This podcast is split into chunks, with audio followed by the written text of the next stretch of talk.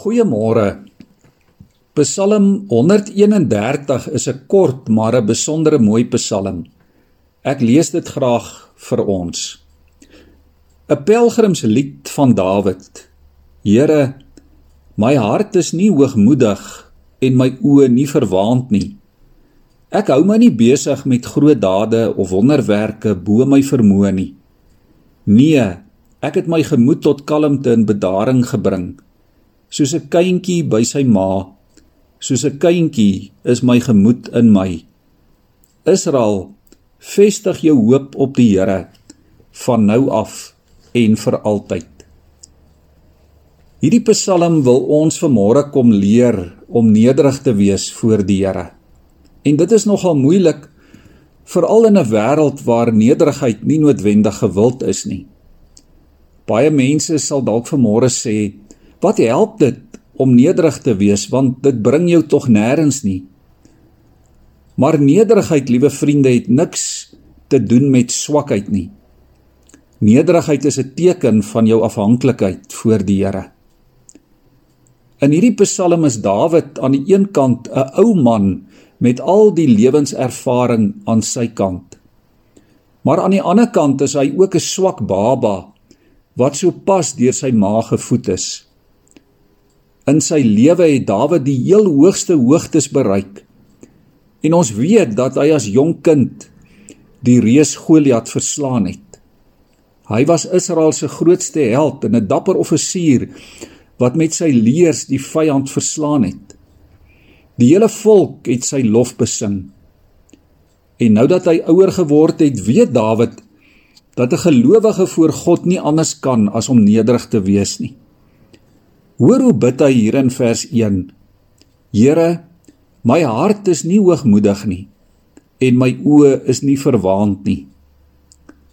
Dit is Dawid se gebed nadat hy al die roem en die hoogste sport as mens ervaar het.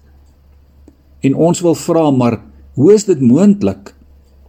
Hoe is dit moontlik om so suksesvol, so sterk, so aansienlik en beroemd te wees en nog steeds nederig te bly soos 'n kind. Liewe vriende, net op een manier, as jy die Here regtig ken, as jy jou lewe op die Here bou en nie op jou eie suksesse en vermoëns nie.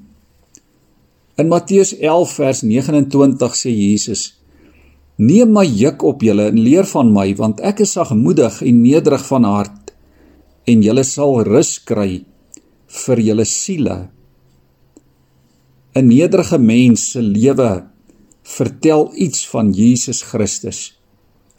Van hom wat gesê het: "Kom na my toe, want die koninkryk van die hemel behoort aan kinderlike, afhanklike mense."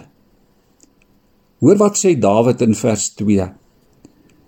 Ek het my gemoed tot kalmte gebring en tot bedaring soos 'n kindjie by sy ma so is my siel in my.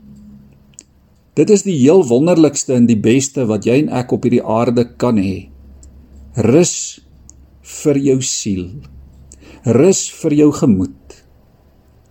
Dit het my sommer laat dink aan die woorde van daardie ou bekende gesang 292. Rus my siel, jou God is koning. Oral voer hy heerskappy. Alles wissel op sy wenke onveranderlik is hy.